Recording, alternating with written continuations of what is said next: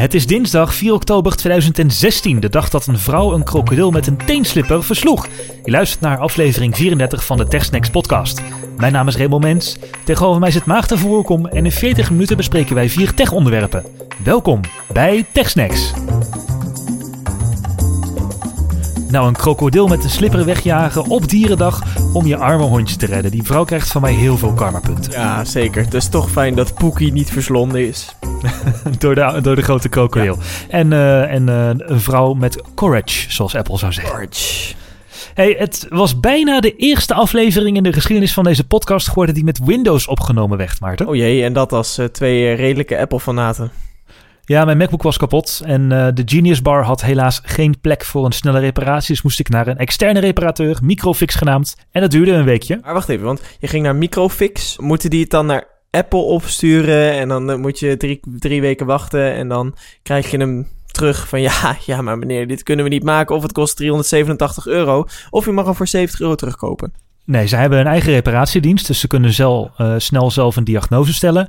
En mijn MacBookje was net twee jaar en vier maanden oud. Dus net technisch gezien val je buiten de Europese garantie. Maar ze kunnen verlengde garantie claimen. En omdat zij een Apple Authorized Repair Center zijn, of zelfs een Premium Repair Center, geloof ik, uh, mogen zij die beslissing nemen en dan hoeft Apple hem alleen maar goed te keuren. Dus ze hebben beslist van nou, die MacBook, uh, het Logicboard moet vervangen, maar hij komt in aanmerking voor consumer claim garantie, dus verlengde garantie. Dus wij dienen een uh, aanvraag bij Apple in. En zodra Apple die goedkeurt, kan er een nieuw Logicport in. En het wachten wat ik heb gedaan was zeg maar vier dagen op Apple die de claim moest goedkeuren. En twee dagen op, op het eigenlijke fixen door Microfix. Mooi. Nou, het is goed gegaan en al het data was behouden.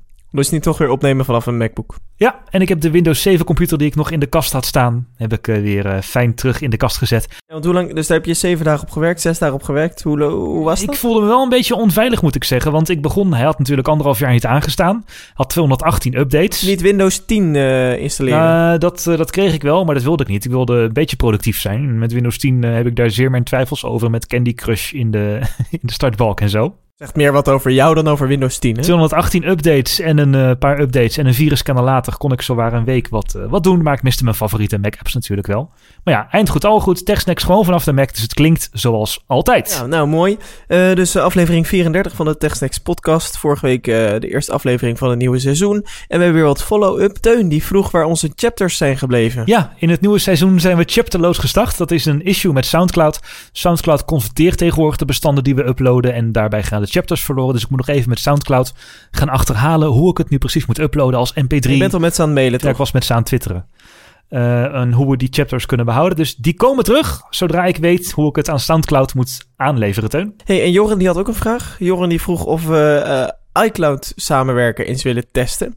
En hoe hebben we dat wel eens gedaan? Ja, dat was de oude versie via het web. Maar tegenwoordig zit het ook in Pages en uh, oh, Numbers, zo. dat native in de nieuwe versies. Oh, dat. En wij zitten nu op Google Docs, omdat het vorige iCloud samenwerken, dat was echt dramatisch. Ja, dat schoot niet op. Dan uh, had ik uh, een, een, een, blokje in een script. En je moet je voorstellen, wij maken een podcast en dat doen we redelijk scripted. Uh, dus dan doen we dat nu via Google, want dat was via iCloud online echt dramatisch. Maar we kunnen het eens proberen. Gaan we doen. Ja, ik ben benieuwd of dit wel werkt. En dan is het natuurlijk nog maar twee personen en een tekstdocumentje. Maar mm, we gaan het eens testen, Jorn.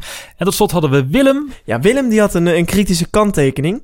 ja, dat zei hij via Twitter. met de volgende woorden. Beter zeggen jullie niets meer over Android als jullie niet verder komen dan de vooroordelen van drie jaar geleden. Ja, jouw ervaring was natuurlijk op een Android-toestel wat al wat ouder was. Dus het, het klopt wel dat het toestel was wat jaartjes ouder. Dus dan heb je ook de Android van drie jaar geleden. Dat, dat is zeker waar. Dat is ja, zeker we zouden eigenlijk als alle twee gewoon onze iPhones moeten inruilen. En een week met bijvoorbeeld een Google Pixel Phone moeten gaan rondlopen of zo. En daarmee sla ik meteen de perfecte brug naar het eerste onderwerp. Wat een pro, al zeg ik het zelf. Een bruggetje. Um, Google gaat eigen hardware maken. Nu we dit opnemen is net het Google-event van 4 oktober voorbij. En um, daar stond onder andere Google's uh, Rick Osterloh op het podium. Hij komt van Amazon af en heeft er onder andere meegewerkt aan de Kindles. En daarin zei hij, Google wordt een serieuze hardwarefabrikant. En waarom willen we dat? Uh, omdat mensen een emotionele connectie hebben met hardware. Omdat we willen dat al onze software goed werkt. En ik, deze quote vond ik heel mooi. Mensen willen tegenwoordig meer dan duizend songs in hun pocket. Ze willen namelijk hun hele muziekcollectie bij zich Er hebben. zit wat in, toch? En eh, hij benadrukte ook dat het eh, een logische stap voor Google was en dat ze echt committed zijn aan de Maar hardware. dat is, dat is wel logisch, want dat is iets wat, wat Apple natuurlijk al jaren doet. En wat Apple redelijk eh, een tijd uniek heeft gemaakt. Dat ze namelijk en de hardware en de software, dat hebben ze ook echt gepromoot. En de hardware en de software maken. Dus het, het gaat naadloos met sluit het op elkaar aan. Dat is zelfs een, een argument geweest dat je in de sales trainingen bij Apple kreeg te horen van...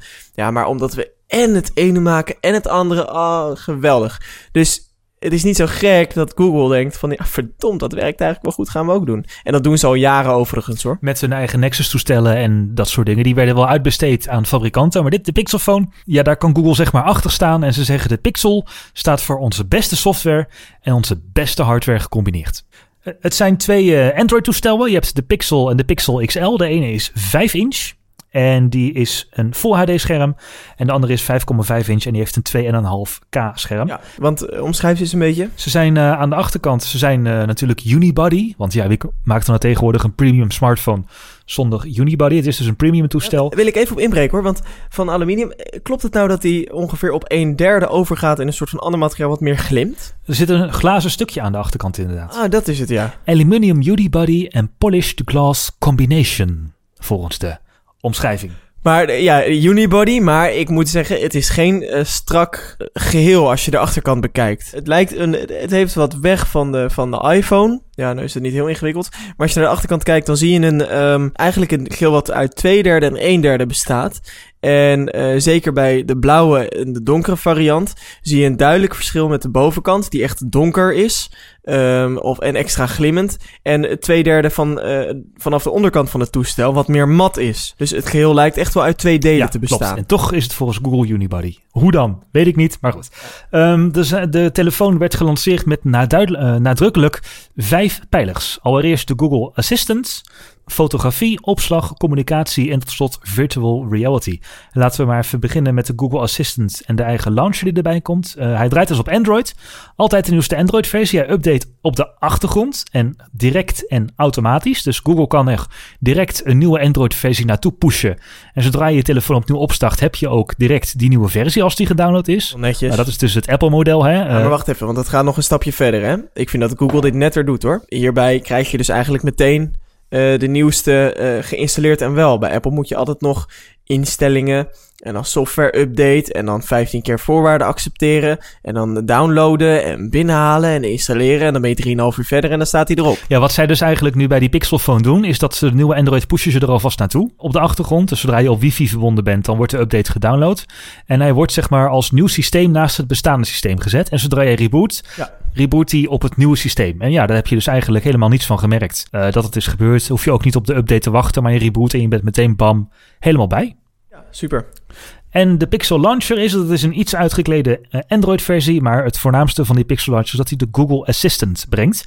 Dat is Google's eigen variant op Siri, die ook onder een eh, centrale knop zit. En ja, de AI, de complete AI-powered versie van Siri kan ik het noemen. En die naar mijn mening lichtjaren vooruit op Siri. Ja, natuurlijk heeft Google meer inf- informatie tot zijn beschikking. En eh, daar maken ze ook goed gebruik van. De camera is 12,3 megapixel. En wat ik wel interessant vond, is dat eh, Apple is zich nu heel erg aan het focussen op twee camera's en dat soort dingen. En Google zegt nee, we, maken, we pakken een goede sensor. Maar die gaan we ook met hele slimme algoritmes combineren. En er is een zogenaamde DxO benchmark voor camera's. Eh, dat is een onafhankelijke benchmark voor camera's. En daar scoort de camera van de Google Pixel Phone een score van 89 in. Ja, op een schaal van 0 tot 100. Ja, en een iPhone 7 heeft 86. En ter vergelijking de Nexus 6 van vorig jaar, die heeft 78. Dus de camera is volgens Google en DxO-mark dus beste smartphone camera in de markt. Ja, en dat is toch wel een, eh, een hele belangrijke pijler geworden tegenwoordig. Absoluut. En wat Google dus weer goed doet, dat is ook weer typisch Google, die eh, vullen de camera ook aan met flink wat software. Er is een slimme HDR-functie die ehm, voor goede foto's in het donker moet zorgen en een burstfoto maakt en daar automatisch, dus niet zoals op je iPhone dat je nog even de beste foto moet selecteren, maar automatisch de scherpste foto van de burst met het object waar het om gaat in het midden selecteert. En ik vond de videostabilisatie ook wel mooi. De camera heeft geen optische stabilisatie, maar Google raadpleegt als je, zodra je de video-opname aanzet, de gyroscoop 200 keer per seconde. En een uh, hoop, uh, een, ook nog een leuke steek onder water naar de iPhone.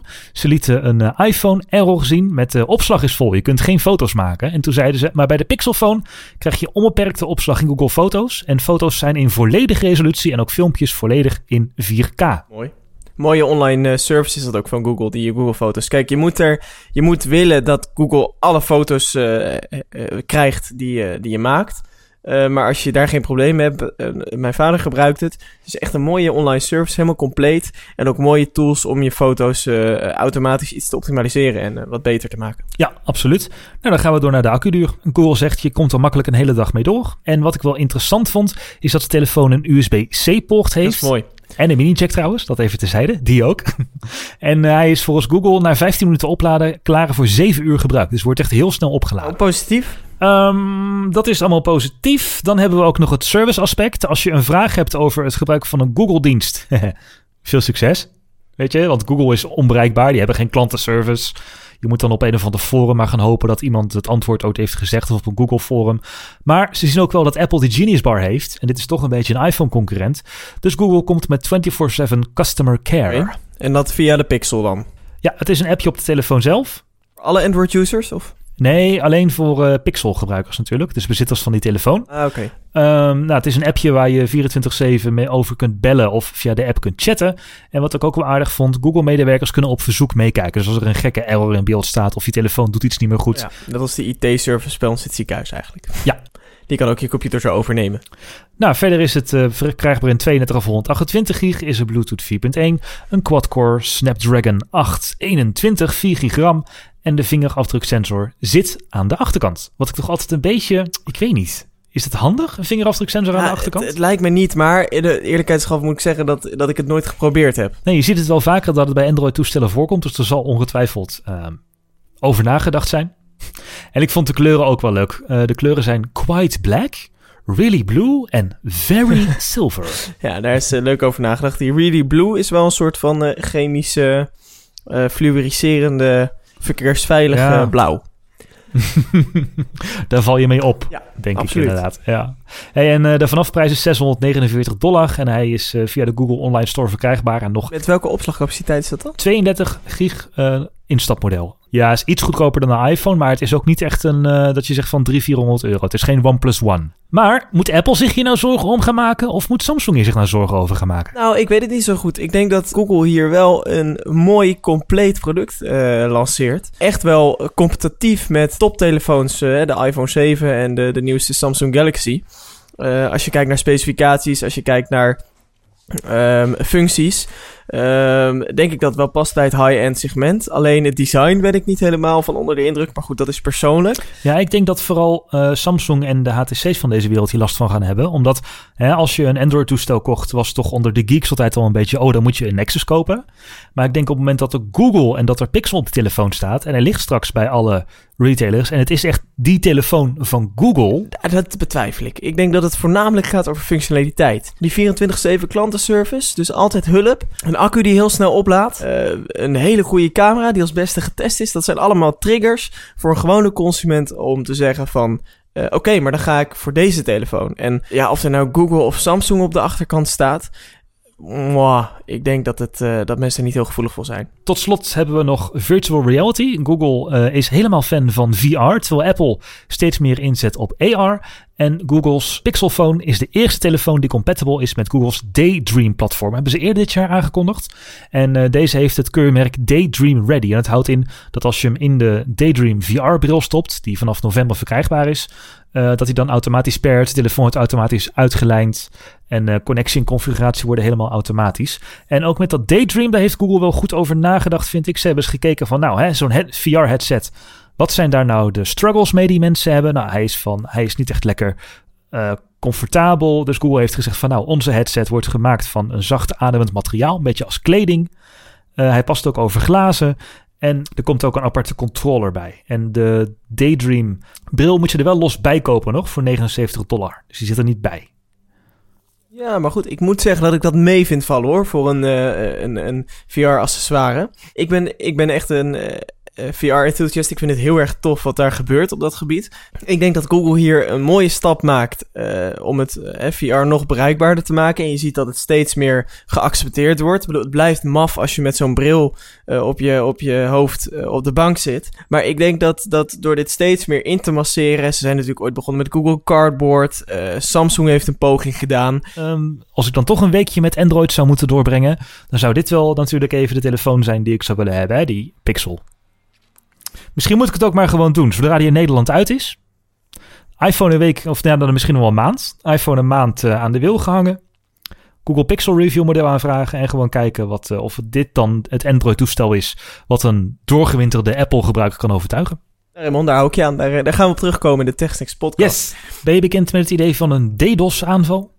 Ja, dat is toch eh, dat je heel veel data naar een website knalt. Dus dat je bijvoorbeeld heel veel F5, dat je, dat je dan die website plat kan leggen door al die data, dat de server niet meer aan kan. Ja, klopt. Dat is dus de website overspoelen met nutteloze, vaak nutteloze data op een server afvuren. Nou, dan kunnen er twee dingen gebeuren. A, de server zelf raakt overbelast doordat vele F5'en dus, door die telkens een nieuwe PHP-pagina moet laden en de database moet raadplegen en dat soort dingen. Wat ook nog kan, is dat de lijn vol raakt. Dus als jij een 1 gigabit netwerkverbinding hebt en er komt voor 2 gigabit data binnen, ja, dan eh, raakt die lijn gewoon overbelast. En dat laatste, dat wordt tegenwoordig steeds vaker gebruikt. Dus dat niet de server wordt be- overbelast of de database of eh, dat soort dingen. Maar dat ze zich echt richten op het overbelasten van de lijn naar die server toe met heel veel pakketjes. En nou, hoe werd het DDoS-aanval vroeger gelanceerd? Door Windows-computers met virussen. Ehm, dat was het traditionele model. En afgelopen weken zijn er twee aanvallen geweest. Eén op het blog van een beveiligingsonderzoeker, Brian Krebs. En één op een webhost, OVH. Ik weet niet of je ze kent. Het is een grote Franse partij. Die kregen maar liefst 600 gbps over zich heen. De blogger dan. En OVH meer dan een eh, terabit per seconde. Dat zijn echt gigantische aanvallen. Daar heb je echt heel veel PC's voor nodig. Ook grote organisaties die daarachter zitten. Ja, alleen wat was nou de grap van deze aanvallen? Het waren geen PC's meer. Het waren Internet of Things apparaten. Dus een koelkast en een wasmachine en een eh, lamp. Ja, in eh, OVH's geval waren het IP-camera's. Je weet wel van die goedkope IP-camera's Ja. van Amazon, Ja. die voor twee tientjes te koop zijn. En Ja. bij Krebs waren het, eh, bij die security onderzoeken waren het ook nog veel digitale recorders, dus set-topboxen, die ook aan het internet hingen. En dit is echt extreem zorgelijk. Je hebt me ooit verteld over een, website, eh, Cams Around the World of zo, waarmee je ehm, met camera's mee kon kijken. Ja, dat is heel erg inderdaad. Daar kon je, dat is een website, ik weet niet of het nog bestaat, maar daar kon je inderdaad ehm, eh, random eh, kon je daar camerabeeld van mensen die zo'n IP-cameraatje hadden hangen. En ik zal eens kijken of het nog bestaat en dan zal ik de link er wel inzetten. En dan kun je dus gewoon meekijken ehm, eh, bij die camera's, want dat is allemaal onbeveiligd. En dat streamt dus allemaal beeld live ehm, het web op. En eh, dat is nu dus inzichtelijk via die website. Ja, en dat is dus nog het minste probleem. Ja, want blijkbaar kun je dus al die camera's ook inzetten en hacken voor een, eh een, een DDoS-aanval. Ja, en vroeger was het niet zo'n probleem. Als jij een IP-cameraatje had en je, hebt dan, je had een ADSL'tje van, laten we zeggen, 128 kilobit upload. Ja, weet je, dan kon je, dan kon je zoveel doen als aanvaller wat je wil. Met die 128 kilobit upload ging jij die websites niet plat krijgen. Maar tegenwoordig, glasvezel, 100 mbit upload. Ziggo begint ook pas vanaf 30 mbit. Als jij een paar honderd van die cameraatjes hebt die je over kan nemen... dan heb je best wel een krachtig wapen als aanvaller tegenwoordig al. Ja, ja zeker nu eh, de wereld zo digitaliseert. Ja, ik heb die website trouwens eh, gevonden. Ehm, dat is, ehm, ik weet niet hoe ik het moet uitspreken. eh Eins, Einscam. Het is I-N-S-E-C-A-M.org. En ehm, als je daarop kijkt, eh, dan kun je dus inderdaad even kijken bij iemand in zijn achtertuin of iemands voortuin. Dus, oh, die hebben ook wel een dure auto. Die moet zijn schuur eens opruimen. Nou, zo kun je eigenlijk bij al die mensen even gluren bij de buren. Eh, maar ja, dat is dus al, dat bestaat dus al. Maar blijkbaar kun je dat dus allemaal inzetten voor een, eh, voor een DDoS-aanval. Zeker nu dat dus over dat snelle internet gaat. Ja, en ik heb de code. De code is ook door degene die de DDoS-aanval heeft gemaakt op een GitHub geplaatst. Van hè, hoe heb ik dat nou gedaan om die camera's overgenomen? En ik heb even naar de code gekeken. Als je er zelf naar wil kijken, we zullen de link in de show notes zetten.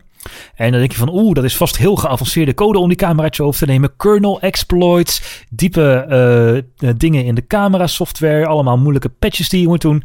Nee hoor, er waren ongeveer 300.000 camera's ingezet voor die aanvallen. Ja. En daarvoor hadden ze nodig een scan op IP-adres met 60 standaard wachtwoorden.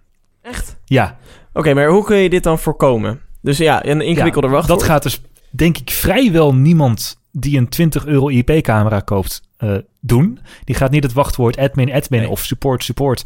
En je kunt er ook niet altijd wat aan doen aan die wachtwoorden. Hè? Want heel veel van die camera's hebben een soort van ingebouwd support-account... wat dan support, support is, bijvoorbeeld, als wachtwoord. En die stonden, Oh ja. daar stonden er ook een hoop van Ja. tussen. Service en manual en support en service. Dus je kunt er niet altijd wat aan doen. Wat je wel kunt doen, is die IP-camera natuurlijk achter een NAT zetten... eh, achter een router en de poorten niet doorsturen. Maar dan kun je hem niet meer van buitenaf bekijken. Ja, of een camera kopen van een respectabele fabrikant. Dus bijvoorbeeld Nest of een IP-camera die voor HomeKit is goedgekeurd door Apple. Want aan HomeKit zitten hele strenge veiligheidsprotocollen voordat jouw apparaat met HomeKit van Apple mag Ah, samenwerken. Dus dat is eh, sowieso goed. En denk er ook aan dat zo'n camera, we hebben het net al gezegd, niet alleen voor aanvallen kan gebruikt worden, maar ook voor spionage. Dus denk er even over na als je een IP-camera in je, in je slaapkamer wil hangen, zeg maar. Of in je Of een slimme koelkast, of een DVR, of een wat dan ook. Eh, hang hem niet publiek achter het internet, of verander dan in ieder geval het standaard wachtwoord. En ook dan ben je niet altijd veilig door die support kan zitten. Maar dit is echt bizar, hè? Een webhost plat en een eh, eh, blog van een beveiligingsonderzoeker wat helemaal op een CDN zat plat, door middel van 60 standaard wachtwoorden. Internet of Things. Ja, dus eh, nou, de, de, de lering die we hier uit kunnen trekken is ehm, ingewikkelde wachtwoorden en niet al te goedkope AliExpress, Amazon, Internet of Things. Precies. Hey, AliExpress, nu ik het zeg, Oh, daar gaan we Ehm, iets mee doen, hè? daar gaan we iets mee doen. AliExpress, voor wie het niet kent, eh, Alibaba. AliExpress is een hele grote webshop en die verkopen eigenlijk eh, Chinese namaak van alles. Gewoon zeg maar Chinese crap. Ja, maar het is echt hilarisch. Ik eh, moest laatst een nieuw hoesje voor mijn, ehm, voor mijn e-reader. Nou ja, dat kostte mij dan eh, 4,30 euro vanuit China. Maar gelukkig wel met gratis verzending.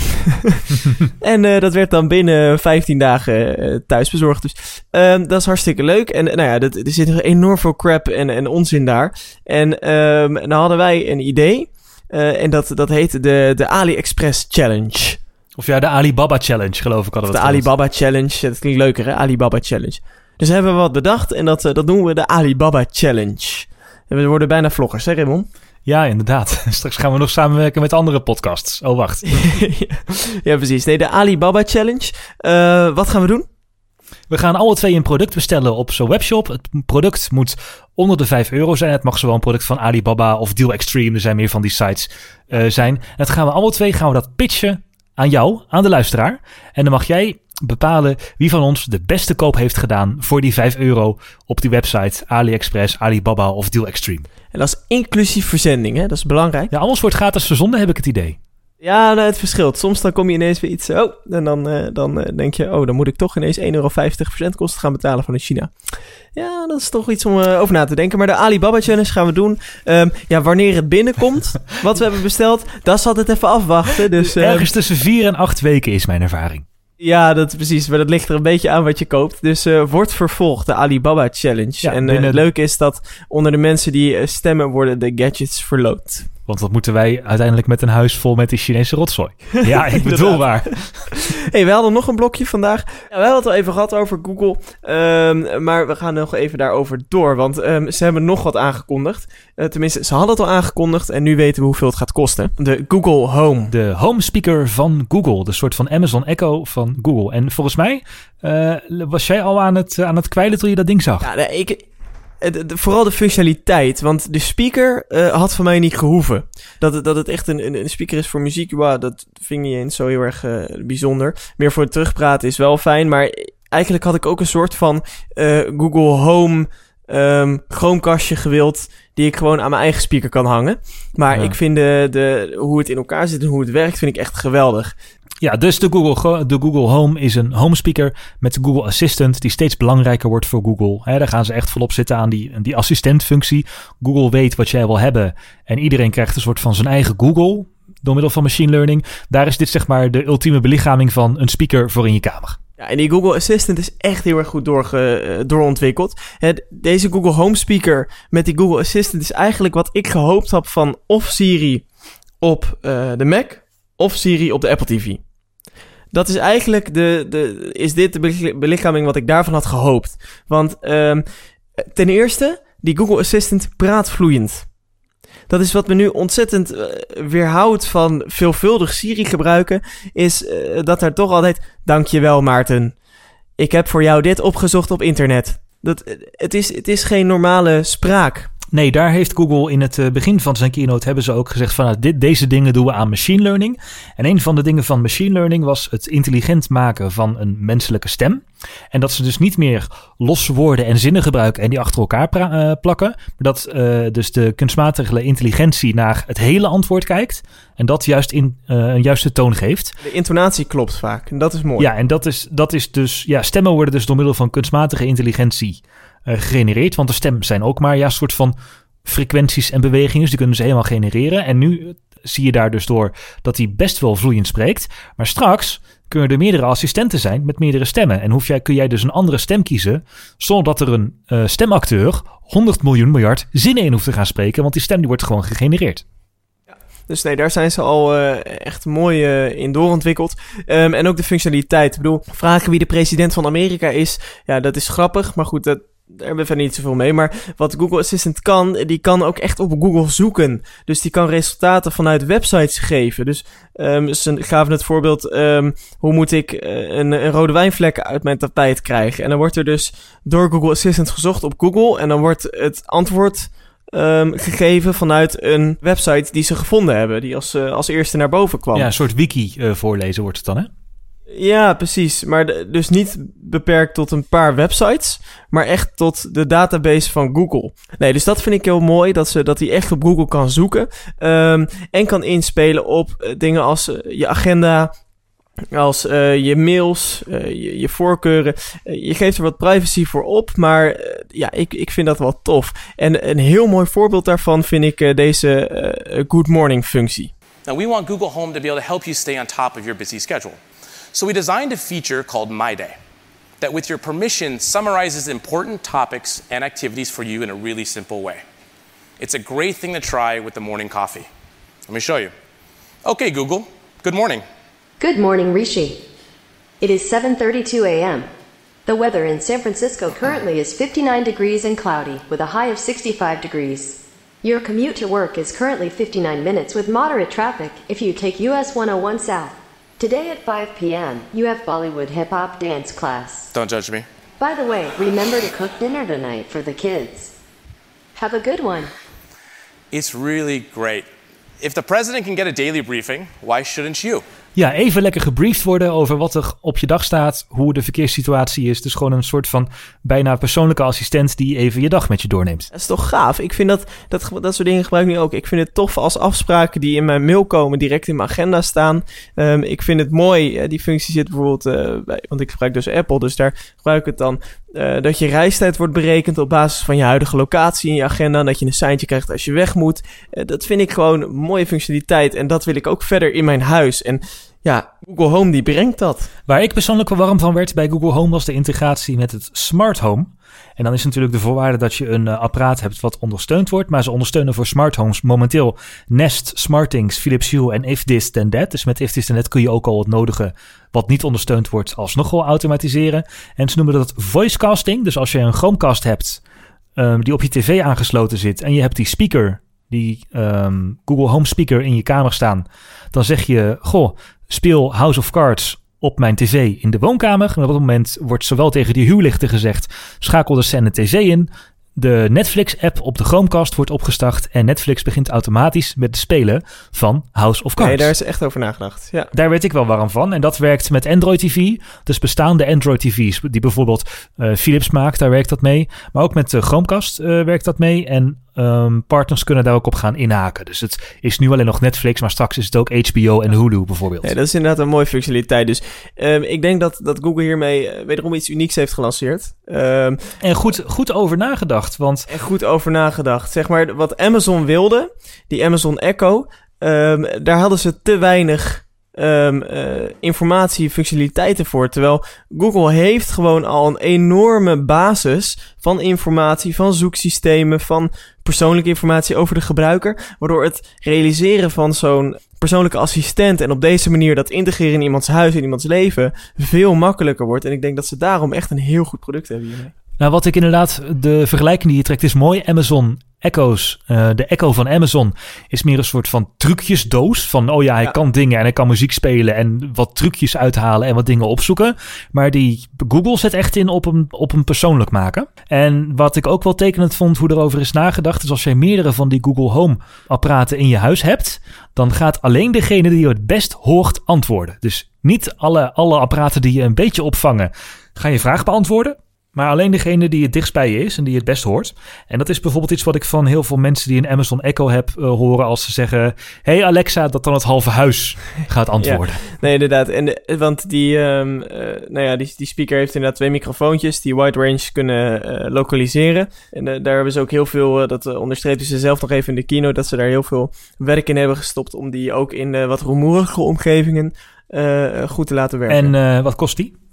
Ja, dus de Google Home die is uh, verkrijgbaar eh, met een adviesprijs vanaf uh, 129 dollar. Dus dat is niet heel veel geld, vind ik. Als je het vergelijkt met de Apple TV bijvoorbeeld. En is vanaf november in uh, de US beschikbaar. Ja, en de Benelux is nog niet bekend. En het is ook nog niet bekend of die Nederlands gaat ondersteunen. Maar ik verwacht, Wacht het wel. eerlijk gezegd van wel. En wat ik ook wel mooi vind, is dat de lat voor Apple nu weer een stuk hoger gelegd is. Want het gerucht gaat dat Apple ook aan een Siri-speaker werkt. En die mag ook wel heel goed zijn. Wil ze, hier, uh, wil ze hier tegenop kunnen boksen? Google is er voorbij hoor. Google is Apple absoluut voorbij. Uh, maar ja, wat het mooie is aan zo'n speaker is wel natuurlijk maar... Het is maar een, een, een speaker en een microfoon. En de magic gebeurt in de cloud. Maar ook in de cloud moet, moet Apple nog enorm gaan ontwikkelen en innoveren... willen ze weer op dit niveau kunnen komen. Ja, analyse van uh, data wordt door Google centraal gedaan door Apple praten. Dus het wordt inderdaad spannend of Apple toch op de een of andere manier zijn datavergaring en iCloud met de privacy die je van Apple gewend zijn. Want laten we eerlijk zijn, als je zo'n Google speaker hebt en je wilt dat alles werkt, moet ook alles aan Google hangen. Dus ik ben benieuwd of Apple een privacyvriendelijk uh, antwoord hierop kan gaan geven. Hey, en jij had het over privacy. Hoe zou jij het vinden als ik een uh, zonnebril zou dragen? En ik zou met die zonnebril filmpjes van, nou, pak een beet, 10 seconden kunnen maken. Ik weet waar je naartoe wil, naar die bril die Snapchat heeft gelanceerd. Zeker, de Snapchat Spectacles. Ja, dit vind ik nou oprecht. Ik ben zelf best wel actief op Snapchat en best ook wel fan van Snapchat en ook van... Wacht gewoon... even, wat hier zit, eh, voordat we doorgaan. Hè? Jij bent heel erg fan van Snapchat en actief op Snapchat. Er zijn heel veel mensen in Nederland die Snapchat niet begrijpen. Leg het eens uit. Om uit te leggen wat Snapchat is, moet je eerst begrijpen wat Twitter en Facebook zijn. Facebook is namelijk een soort van jouw familievriendelijke profiel. Twitter is misschien je zakelijke of je um, hobbyachtige profiel. En op Snapchat maakt het eigenlijk allemaal niet uit. En kun je eigenlijk alles plaatsen en een soort van raw en uncut versie van jezelf laten zien. Uh, Snapchat alles wat je op Snapchat zet is of binnen een aantal seconden weg, de foto's en video's die je stuurt, of binnen 24 uur weg als je het in je verhaal zet. En dat die story-functie heeft Instagram onlangs uh, gekopieerd. En Snapchat begon als populaire app bij tieners, maar tegenwoordig ook steeds meer twintigers en dertigers. Eerste categorie val ik dan, die, er, uh, die eronder vallen. En ik vind Snapchat een gewoon, zeg maar, van alleen al hoe het werkt tot aan de ballen die de CEO heeft. Echt een geweldig bedrijf. Want Facebook heeft ze drie keer proberen over te kopen. En als je al drie keer nee kan zeggen tegen Facebook, ben je voor mij al een held. Ja, en ze heten geen Snapchat meer hè, tegenwoordig. Ze heten nu Snap. Snap Incorporated. Het wordt dus niet door iedereen begrepen, maar ze hebben wel ballen. Courage, zou Apple dan zeggen, om het woord nog maar eens te gebruiken. ze komen met een eigen bril op de markt, de Snapchat Spectacles. Oh, dat is dus echt, want ik, ik, ik dacht heel even dat het een grapje was. Maar ze komen dus echt met, met de zonnebrillen. Het is echt een zonnebril, een vrij... Ja, het ziet er niet Google Glassy uit. Nee, zitten fancy kleurtjes en... Uh, fancy kleurtjes, niet te dik, niet te groot. Camera in de, aan de zijkant en een knop. De Snapchat Spectacles. Dus wel kek. En wat kun je ermee? Nou, je kunt video maken vanuit je eigen perspectief. En dat is eigenlijk... Dit is precies de aanvulling die Snapchat nodig had. Want als je kijkt, hoe gebruiken mensen Snapchat? Nou, ik zei het al... Mensen filmen alles wat los en vast zit, maken gewoon random foto's van dingen die toevallig op een dag gebeuren. En mensen kunnen daar heel snel doorheen tikken. Um, en dit is voor de echte fans van Snapchat, dus de diehard gebruikers van Snapchat, is dit super makkelijk. Je hebt een bril op je hoofd, je klikt op 10 seconden op een knop en bam, je hebt weer een toevoeging aan je story. Oké, okay, en die blijft dan 10 seconden beschikbaar? Nee, je story is 24 uur beschikbaar.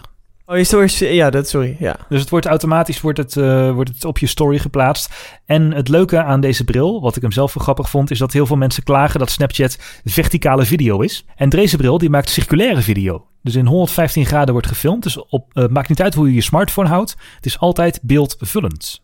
Oké. En eh Even Spiegel is de 26-jarige CEO van Snapchat. En hij is 26 en heeft Facebook drie keer bedankt. Ik bedoel, held. Nee, dan heb je het wel gemaakt in het leven. En die CEO die werd ook gevraagd van... Goh, waarom eh, breng je dit product op de markt? En hij zei, nou ja, het is gewoon leuk.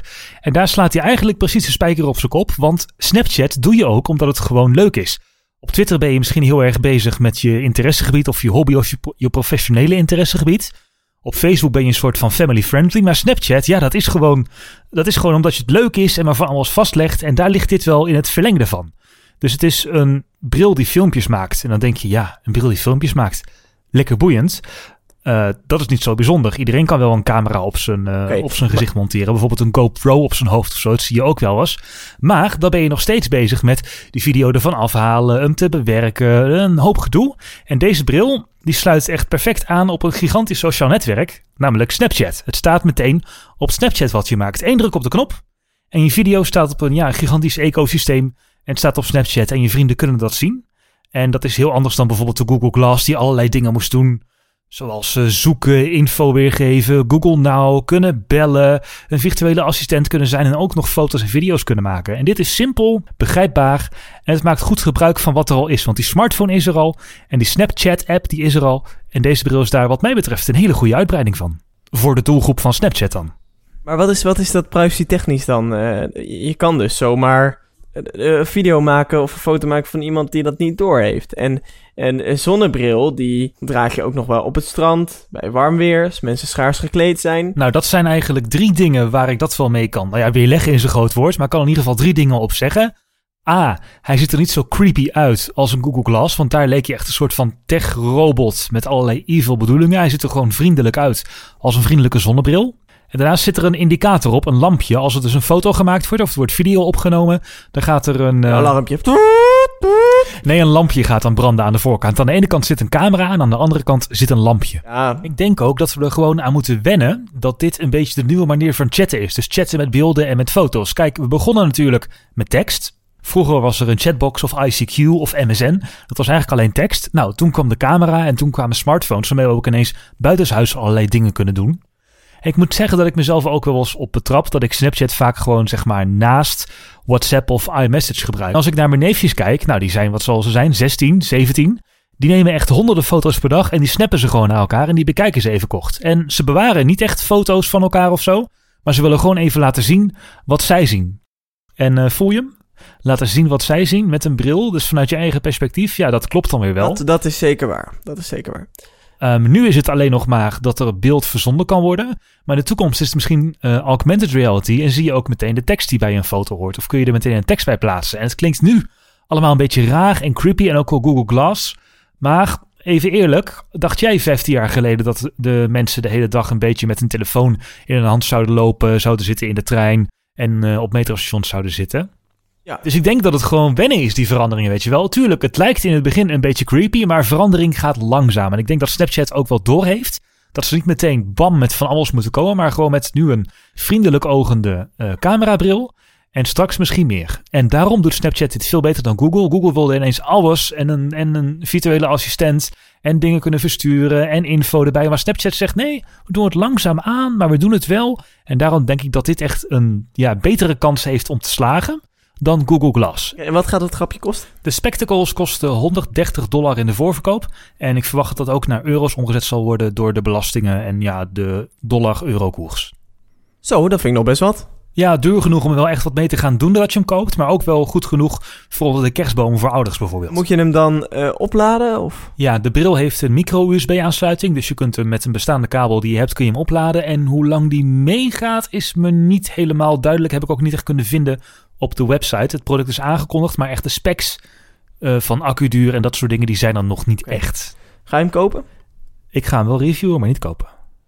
Ik kopen. Ik ga hem niet kopen. Ik, vind me, ik ben een actieve Snapchat-gebruiker, maar ik ben geen tiener meer. En ik denk dat het wel leuk is voor tieners om hiermee op hun hoofd te lopen. En dit is ook natuurlijk gewoon de prima primaire doelgroep van Snapchat. Ik denk dat het heel spannend gaat worden. Ik denk eigenlijk dat het... Het kan of top of een flop worden.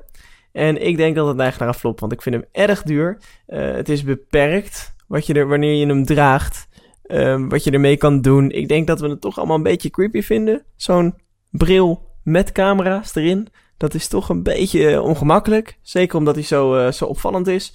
Dus nee, ik ben niet heel enthousiast. Ik ben wel benieuwd wat onze luisteraars hiervan vinden. En dat kun je laten weten op www.techstex.nl via reageer op de uitzending rechtsboven. Ja, en ook als je een andere vraag of een andere opmerking hebt. En misschien wel een tip voor een van ons hebt. Voor de grote Alibaba of Deal Extreme Challenge die we gaan doen. Dan mag je het daar ook laten weten. En eh, dan wil ik heel graag bedanken NoDots uit Eindhoven, www.nodots.nl. Doen gave dingen met webhosting, webdesign en weboptimization. Eh dat is onze trouwe sponsor eh, die ons in de lucht houdt. Dus nodots.nl, bedankt.